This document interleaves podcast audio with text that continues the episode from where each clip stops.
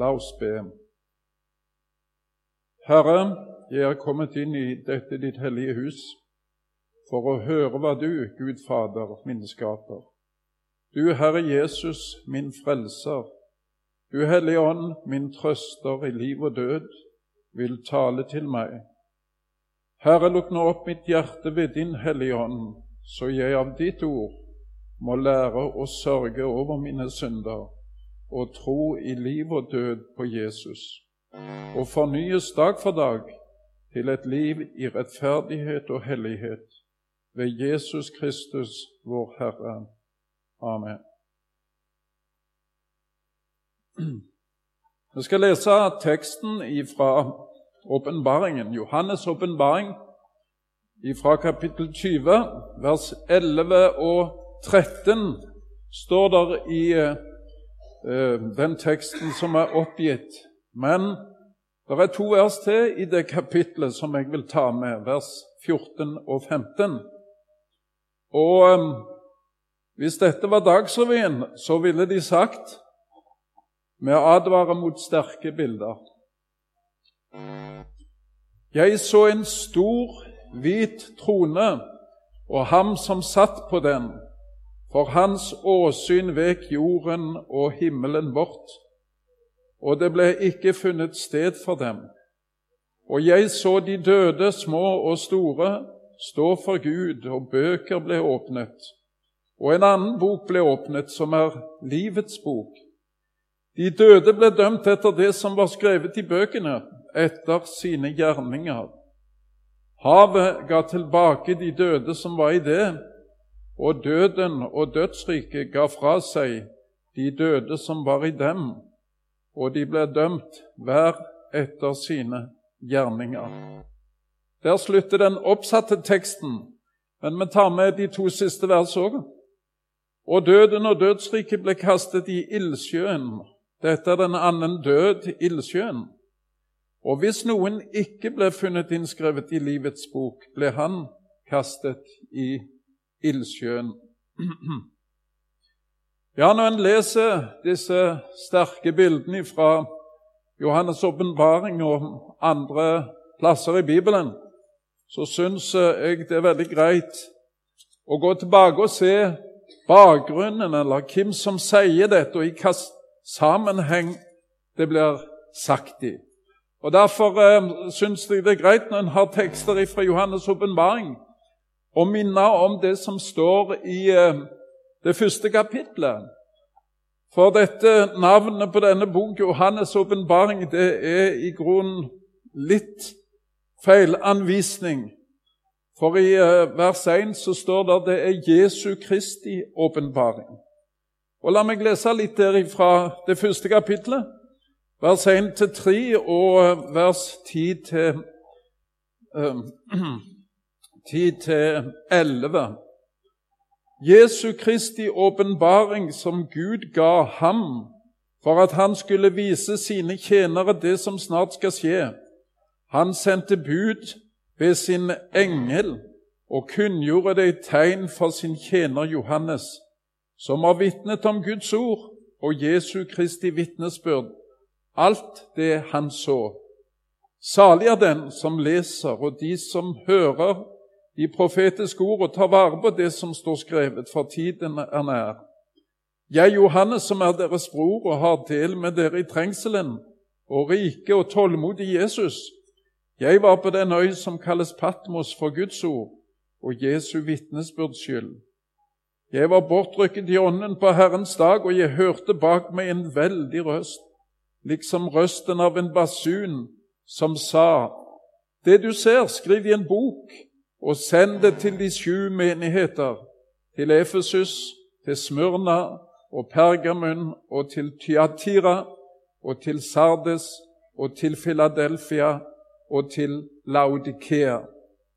Altså en oppfordring om til den kristne forsamling om å lese det som står i denne bok, og ta det med i uh, sitt kristenliv. Nå er det sånn at dette skulle sendes til syv menigheter. Og syvtallet i Bibelen det står for eh, Guds tall.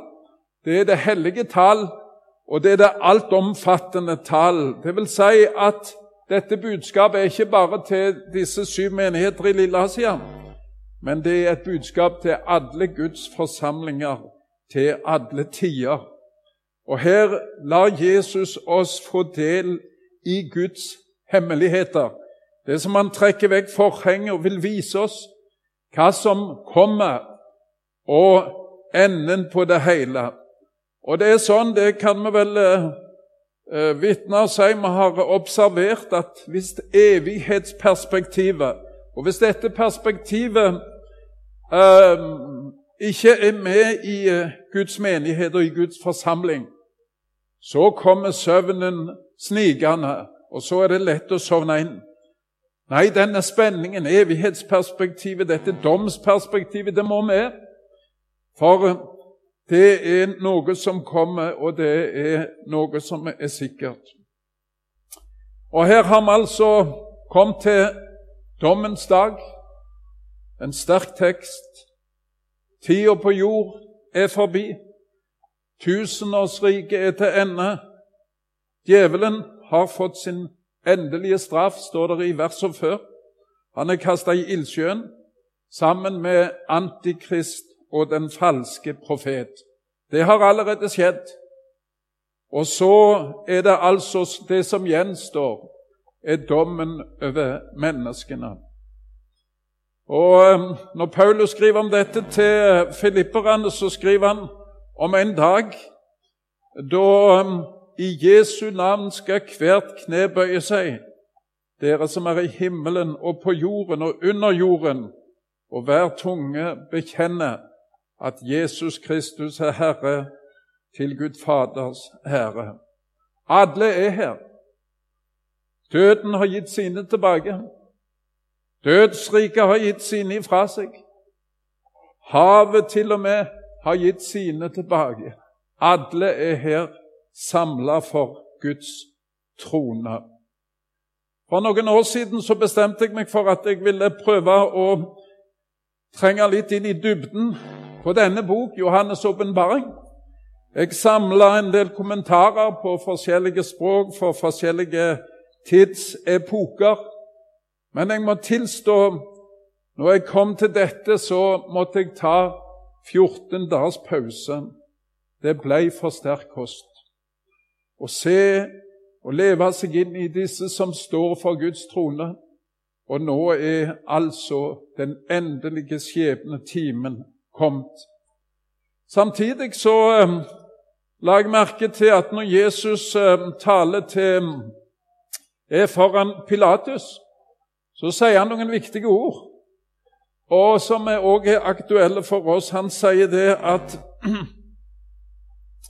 um, Til dette er jeg født, og dette er jeg kommet til verden, at jeg skal vitne for sannheten. Og så hver den som er av sannheten, hører min røst. Hver den som er av sannheten, hører min røst. Så de som er av sannheten, de som vil søke hva Gud vil si oss, de skal få høre Herrens røst, og i tekster som denne, og han skal vise oss veien gjennom dem. Vers 11 her. Johannes ser Guds trone. Den har han sett før. I kapittel 4 står det at han så inn i himmelen. Han ble invitert inn i himmelen, og så så han en som satt på trona. Gud sjøl. Han kunne ikke se ansiktet, men han så det satt en der på Guds trone. Og nå ser han det igjen. Han ser denne store, hvite tronen. Det er han som har skapt alle ting. Det er han som skapte menneskene, som det står i um, første Mosebok, og som blåste livets ånde i hans nese, står det, og han skapte menneskene. Det var han som ga menneskene litt av seg sjøl, noe udødelig. Noe som ikke skal dø, noe som skal stilles til regnskap igjen. Og så sto det her og bøker ble åpnet. Veldige ting. Guds harddisk har lagra alle ting. Kanskje tidligere så undres han på hvordan kunne Gud lagre alle ting som har skjedd med alle mennesker. Men i dag, med computerteknologien, så forstår vi at det går an. Skriv inn et et nøkkelord, eller skriv inn eh, Søk på Internett, så får du opp side etter side med informasjon. Og her har altså Gud alt i sammen. Trykker han på knappen, der står det Jakob, så kommer det alt i sammen på et blunk. Alle tanker, ord og gjerninger. Ja, en kunne få frysninger ved tanken. Tenk dere en som har lagra alt. Alt som har skjedd i mitt liv. Alle mine tanker, ord og gjerninger. Alle mine synder. Alt. Og så sto det òg her at premissene for dommen er at vi skal dømmes etter våre gjerninger. Tenk på det. Vi skal dømmes etter våre gjerninger. Juryen har bestemt seg. Det er bare dommen som skal leses opp. Da vi var i Afrika, så hadde vi mange flere muslimske venner. Og de fortalte og, og sa det at eh, Allah, eller Gud i himmelen, han har ei skålvekt. Og på den ene skåla der har han lagt alle våre gode gjerninger. Og i den andre så har han lagt alle våre onde gjerninger. Og så står denne skålvekta der og så spørs det når dommen kommer, hvilken skål som er tyngst. Hvis det er de gode gjerningene, så går jeg til paradis. Hvis det er de onde gjerningene, så, så blir jeg kasta i fortapelsen. Og Det er derfor det er så viktig å, å faste i ramadan, for da spiser jeg opp det som er i den skåla med de onde gjerninger, så tipper det tilbake igjen. Ja, har de rett, faktisk, kanskje? Etter våre gjerninger, sto det her. Vi skal dømmes. Og det er ikke spøk. Her avgjøres altså evig liv, evig fortapelse. Og så blir spørsmålet hvem har disse gjerningene? Og hvordan er det disse gjerningene som, som Gud er tilfreds med? Og Da er det godt å vite at Bibelen sjøl gir svar. Vi skal ikke kjenne etter og se på og tenke på hva gjorde jeg, og hva gjorde jeg ikke. Nei, Bibelen sjøl har svar på disse ting. Og den samme som skrev disse ord i Johannes' åpenbaring, han var sammen med Jesus. Og ca. 60 år tidligere så fortalte Jesus han akkurat om disse ting. I Johannes' evangelium kapittel 6. Der er det snakk om dette. Og der har Jesus samla folk rundt seg, og så sier han fra vers 27.: Arbeid ikke for den mat som forgår, men for den mat som varer ved til evig liv, den som menneskesønnen skal gi dere. For på ham har Gud satt sitt seil. Og så sa de til ham, hva skal vi så gjøre for å gjøre Guds gjerninger? Ja, hva skal vi gjøre for å gjøre disse gjerningene som skal holde i denne dommen, der ingen unnslipper?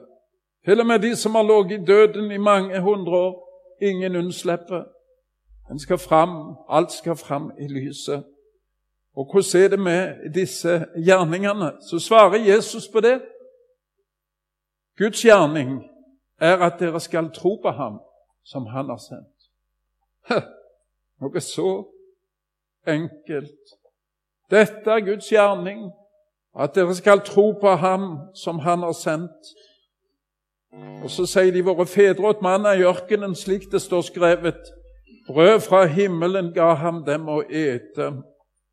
Jesus sa til dem, Sannelig, sannelig, sier jeg dere, Moses ga dere ikke brødet fra himmelen, men min far gir dere det sanne brød fra himmelen. Og så sier han litt lenger nede, jeg er livets brød. Den som kommer til meg, skal ikke hungre, og den som tror på meg, skal aldri noen gang tørste. Og i vers 51 jeg er det levende brød som er kommet ned fra himmelen. Om noen eter av dette brød, skal han leve i all evighet. Og det brød som jeg vil gi, er mitt kjød, som jeg vil gi for verdens liv. Så er altså Guds gjerning det er å tro på Han. Og det å tro på Han er å spise livets brød. Det å ta imot sannheten om Jesus i tro og holde fast på den og ta den til seg hver dag. Det er den gjerning Gud krever. Tenk så enkelt. Det er den gjerning han kommer til å spørre etter. Det er den gjerning han kommer til å dømme etter. Og En annen plass i Johannes' åpenbaring der er det brev til forskjellige menigheter. Og Det er en menighet som kalles for menigheten i Pergamum. Og til den menigheten skriver, sier Jesus Det er fra kapittel 2 og vers 17. Den som seirer ham, vil jeg gi av den skjulte manna, og jeg vil gi ham en hvit sten, og på stenen er et nytt navn som ingen kjenner uten den som får det. Den skjulte manna, livets brød, det er Jesus som er den skjulte manna. Og denne hvite steinen, det var en Det var sånn i, i retts, den rettspraksis som de hadde, grekerne hadde. Der eh, var kanskje en ført inn i rettssalen. Og spørsmålet var er han skyldig eller er han ikke skyldig. Og den som var skyldig, han fikk en svart stein. Du er skyldig, vær så god, ta den svarte steinen. Men den som ble frikjent, han fikk en hvit stein. Du er frikjent. Du er fri. Du er ikke skyldig, vær så god. Her er en hvit stein. Så kunne han gå ut fra rettssalen og vise folket jeg har fått en hvit stein, jeg er, jeg er ikke skyldig, jeg er fri. Og så sier Jesus den som seirer, skal få en hvit stein. Som skal holde i dommen. Jeg kan vise den i Guds dom og si at jeg fikk en hvit stein. Jeg fikk tilgivelse. Det var en som tok min skyld. Det var en som betalte for meg. Derfor går jeg fri. Jeg sa at jeg måtte ta en 14 dagers pause. Men etter å ha sett og ellers hva Bibelen sier om det ting, så kunne jeg gå videre. For det at eh, i det perspektiv så gikk det an å se òg dette ord. Jeg har hørt ganske mange taler av Billy Graham. Jeg reiste rundt i, på skoler i Kenya og viste taler av Billy Graham, og jeg husker han sa en gang Hvis du kommer til fortapelsen, sa han, Don't look for me, I will not be there. Leid ikke etter meg der, for jeg vil ikke bli der. Jeg er ikke der. For jeg vet jeg skal ikke være der. Jeg har fått troen på Jesus i mitt hjerte. Jeg har fått en hvit stein, og den skal gi meg frifinnelse på dommens dag. Det sto òg her så små og store, alle var der. Så hørte vi i teksten, lest her, det som du har gjort imot noen av de minste mine minste små har du gjort mot meg. Og um, i dette perspektiv så syns jeg det er utrolig å se at hver den, liten og stor, som jeg får gi ordet om Jesus, han går altså over fra døden til livet, bokstavelig talt. Tenk for en forskjell! Kanskje ikke forskjellen viser så godt første dagen, Kanskje de ikke bringer med seg rikdom, ja, det vet vi ikke, eller mette mager ikke heller alltid. Men du får en forskjell på dommens dag. De små og store som får ete livets brød. Fordi de får denne hvite steinen og for skal få høre av Jesus, kom inn til meg, dere som tok imot mitt ord, og dere som tok imot meg. Og Hvis det er noen her som lurer på dette og lurer på om du skal velge troen på Jesus, så vil jeg si skynd deg, skynd deg å ta, ta Guds rike i dag. for det venter, det venter på deg. Det er ikke rart at uh, pinsevenner og andre sier halleluja, for det er en fantastisk rikdom. Det er en fantastisk rikdom at Jesus han har ordna alt. Han har ordna alt. Og på denne dagen da blir det ikke mer snakk om Da blir det ikke mer snakk om om jeg reiste på første, andre eller tredje klasse. Da blir det kun snakk om om jeg hadde denne tro på Jesus, denne tro på Han, om jeg spiste livets brød. Det som ga liv, det som ga evig liv. La oss be. Takk, Jesus, for denne sannhet i ditt ord. Og takk for at du har åpna veien, og at vi skal slippe å frykte, selv om domspremissene er på våre gjerninger. Så har du gitt oss dine gjerninger, og så skal vi få dømmes etter de, Herre. La det gå opp for oss, og la det òg gå opp for oss hva privilegium vi har, som kan være med og sende dette videre til de som ikke kjenner deg, og vinne mennesker over fra døden til livet. For Jesus skyld. Amen.